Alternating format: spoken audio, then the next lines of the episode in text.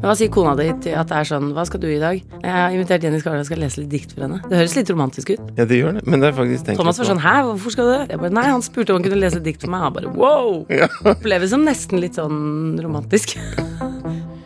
Jeg heter Hans Olav Brenner, og jeg vil at du skal oppdage flere nye dikt. Dikt er ikke bare noe svulstige greier for pretensiøse folk, det kan være snarveien inn til store følelser og gode samtaler. Jeg har delt dikt med folk rundt meg hele livet, og har opplevd flere ganger at hvis du bare gir et dikt en sjanse, blir stående lite grann i det, så kan det treffe deg midt i magen. Og det kan oppstå noe, ja, jeg tør å si det, magisk. Og det er det jeg skal prøve på nå, når jeg skal dele et av mine favorittdikt med Jenny Skavlan. Men når jeg hører hvor klamt programleder Jenny Skavlan tenker at dikt er, i hvert fall liksom en setting hvor en mann som ikke er gift med en dame, leser diktet til den dama, eh, ja, så angrer jeg litt på hele greia. Og hvorfor i all verden måtte jeg ta på meg lakserosa skjorte og cardigan akkurat i dag? Så har du pyntet deg og greier. Ja. jo, men, ja, men, ja, men det, det er faktisk Det er merket at det blir litt, nesten litt for intim stemning. Jeg gjør det det? Ja, men- men ser du folk i øynene når du leser diktet? Det orker jeg ikke. Det blir for mye for meg. Ja, det Jeg kommer til å se bort. Og så er det jo akkurat det jeg skal gjøre. Se henne inn i øynene og lese opp et dikt. Og så er det jo ikke det at diktdeling egentlig er noe fremmed og rart for Jenny, som hun aldri har opplevd før. Hun har vokst opp med det. Det er bare det at hun selvfølgelig ikke driver med dette selv. Det er det jo bare foreldregenerasjonen som gjør. Mm, Jeg har blitt eh, opplevd veldig mange ganger å sitte og se, kanskje spesielt på min far, som kan så mye dikt helt på rams. Og hvis situasjonen passer seg, så er han ikke fremmed for å da ikke lese opp fordi han kan det, si dikt. Jeg føler ikke at jeg har meldt meg helt inn i, i den, eh, den delen av familien ennå, som er litt eldre. At vi er liksom fortsatt fetter og kusiner sånn som er sånn Å, nå begynner de igjen med de diktene sine. Så her må jeg altså komme meg rundt Jennys frykt for klam intimitet og forestilling om at diktdeling er noe eldre slektninger driver med. Finnes det noe håp for at jeg kan slippe igjennom? Men jeg har egentlig lyst til å også bevege meg mer i eh, kretser og sitte rundt bord hvor det leses dikt høyt, for det er jo en, egentlig en veldig fin ting. Ok, Jenny, jeg har valgt et dikt til deg av Inger Hagerup. Eh, norsk poet. God på rim og rytme. Mm. God på livet selv. Mm. Så det er et dikt om livet selv. Ja, fint. Er det fint? Ja. Jeg gleder meg. Vi unngår øy øyekontakt. Eller kan jeg liksom rette det veldig aktivt til deg? Nei, du kan, du kan eh, du, vi, vi kan godt eh, se hverandre litt i øynene iblant, altså. Um, jeg er ikke så vant til Jeg har aldri blitt lest et dikt for sånn eh, bare to mennesker sånn, tror jeg. Så det jo, føles jo litt intimt, men, men dette skal jeg stå i. Og så må jeg bare Jeg må ikke nå være sånn selvbevisst og bli sånn praktisk. Nå må jeg bare innhente en annen side. Som heller bare tar inn det du skal si, fremfor å være sånn selvbevisst Mm.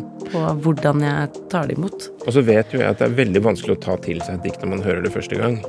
Så jeg kommer til å lese ganske sakte. Ja. Så det kan også ha en komisk side, men vi satser på at det blir fint. Mm. Ja, nå syns jeg den øyekontakten var ganske intens, faktisk. Mm, Eh, det var ikke du som trakk deg nå, men fint. Vi holder livet av Inger Hagerup. Vi holder livet. Vi holder livet i en knyttet hånd. Vårt hjerte må bestandig ha det sånn. Det tåler gjerne spott og overlast når bare det får holde noe fast. En mann, et barn, en drøm skal være vår, og evigheten måles ut i år. For i vår gåtefulle, blinde angst blir alle ting erobring eller fangst. Vi bærer skrekken med oss natt og dag, den bleke skrekk for hjertets nederlag.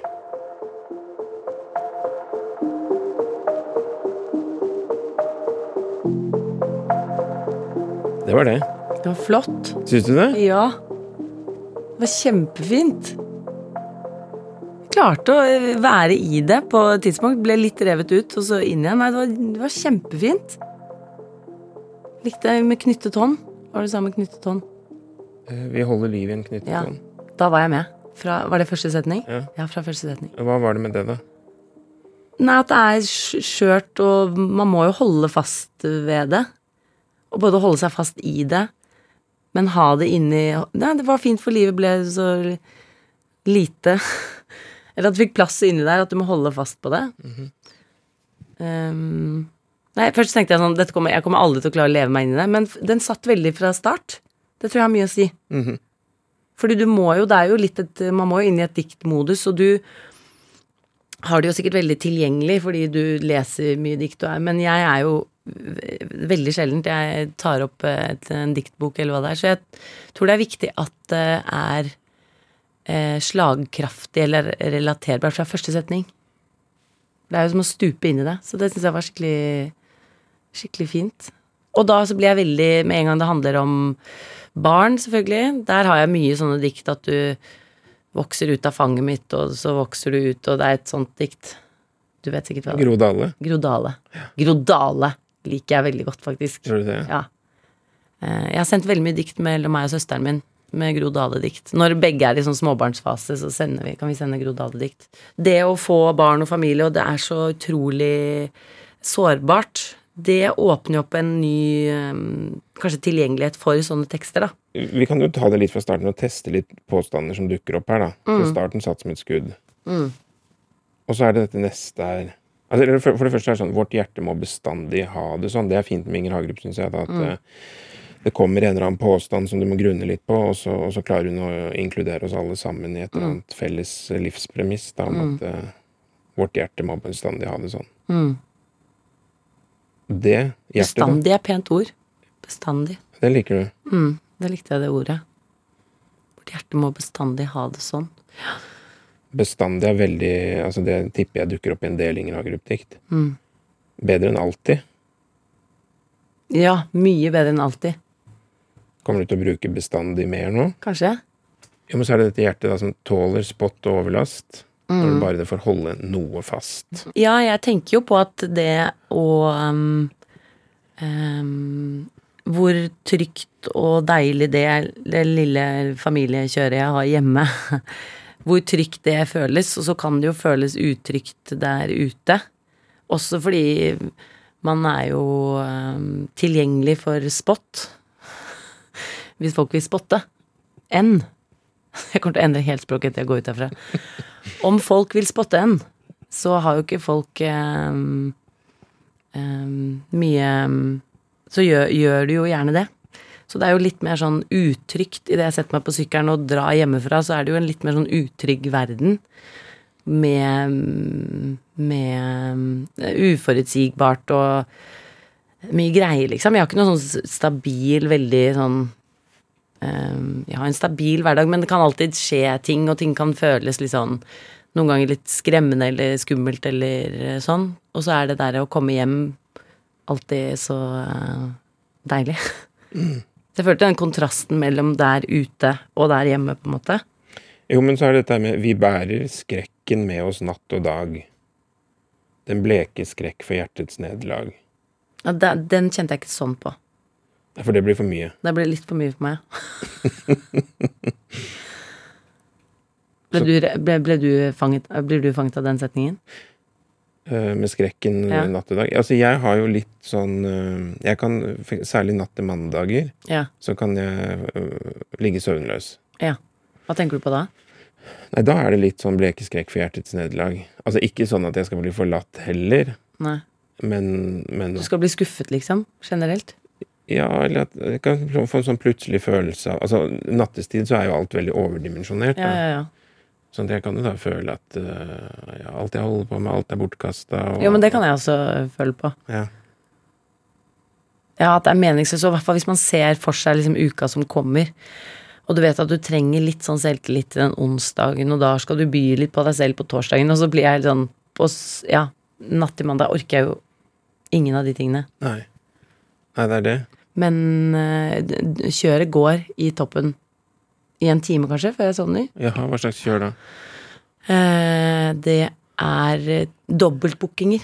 Veldig ofte at jeg kommer på at jeg skal noe, og så kommer jeg på skulle jeg ikke noe annet også, og så må jeg opp. For jeg har mobilen liggende på kjøkkenet, for jeg kan ikke ha mobilen på soverommet, for da Da havner jeg på TikTok istedenfor å sove.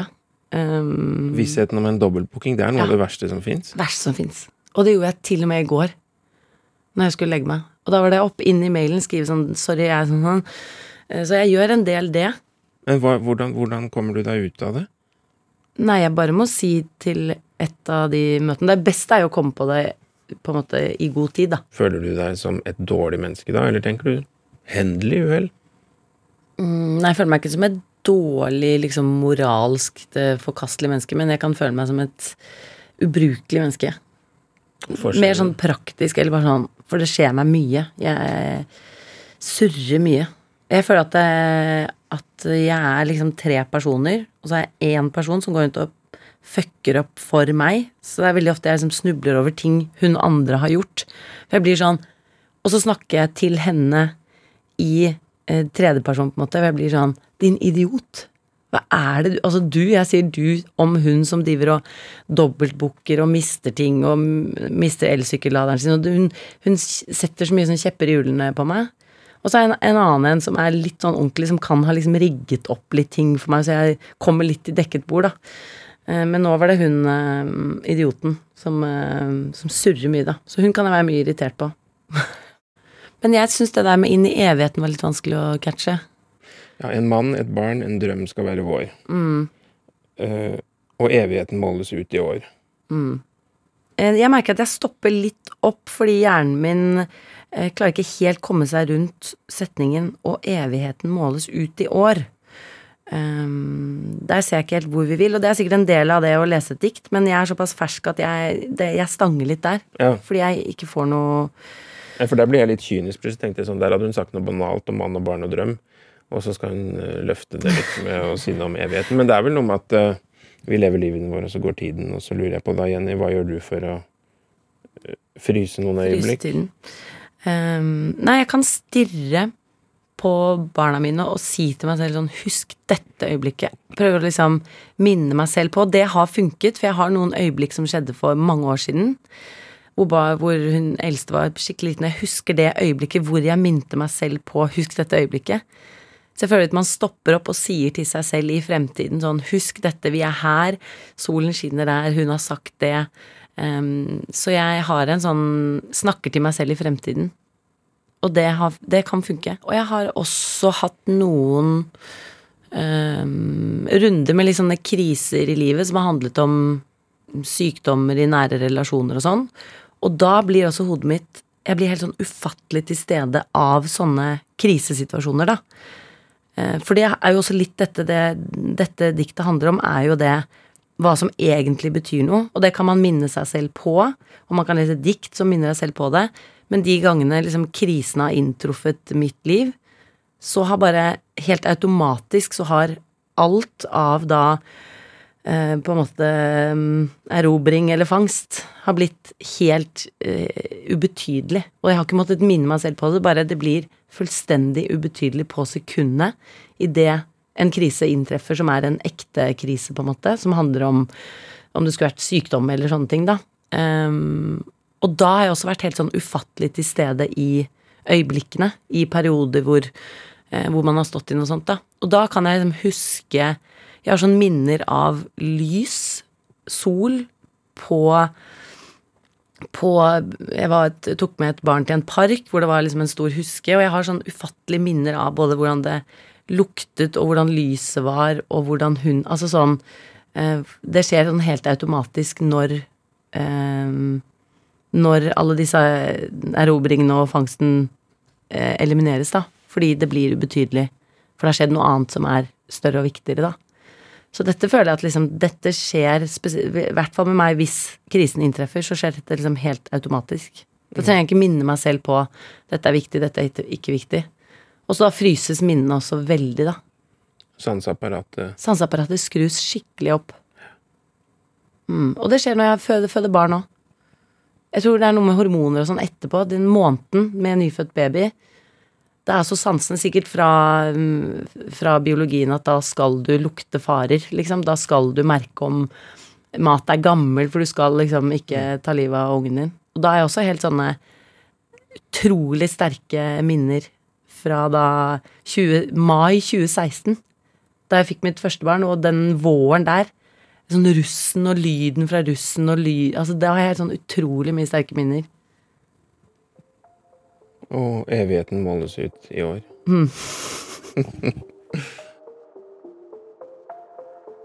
Jenny, nå har jeg lest dikt for deg. Jeg skal straks lese diktet en gang til. Vi holder livet av Inger Hagerup. Eh, Og bare spørre deg eh, Innledningsvis så virket det som det traff deg. Mm. Så virker du kanskje nesten litt mer betenkt nå etter hvert, men mm, funket det? Var det Ja. Jeg syns også bare 'Vi holder livet'. Eh, var veldig fin. Og så tror jeg det er veldig at det er korte, små setninger, at du kan um, Ja, du kan ganske kjapt måtte sitte og reflektere over ting fremfor at det dras ut, på en måte. Det liker jeg veldig godt. Jeg kommer til å ta det med meg, hvis jeg kan ta med dette arket jeg har fått her. Mm. Uh, og så skal jeg prøve å lese det for Thomas helt uten ironi, uten å være sånn 'Å, jeg er en sånn som leser dikt'-aktig. For jeg tror det er det man fort kan føle på. Og dermed ikke helt ta inn diktet, for man er sånn 'Å, nå er jeg en sånn'. Nå er jeg sånn som driver med det, liksom. Uh, skal jeg eh, helt uten ironi lese det på Thomas, og så skal jeg se, hva som skjer. Kan du sende meg en SMS etterpå, bare så jeg får en liten Det skal jeg gjøre. For det er jo litt artig for meg hvis det lever videre. Ja, det er det. Men jeg, i, dette, i den podkasten så leser jeg diktet to ganger. Mm. Så skal jeg lese det en gang til for deg. Mm. Er du klar? Jeg er klar. Jeg gleder meg. Vi holder livet i en knyttet hånd. Vårt hjerte må bestandig ha det sånn. Det tåler gjerne spott og overlast når bare det får holde noe fast. En mann, et barn, en drøm skal være vår, og evigheten måles ut i år. For i vår gåtefulle, blinde angst blir alle ting erobring eller fangst. Vi bærer skrekken med oss natt og dag, den bleke skrekk for hjertets nederlag.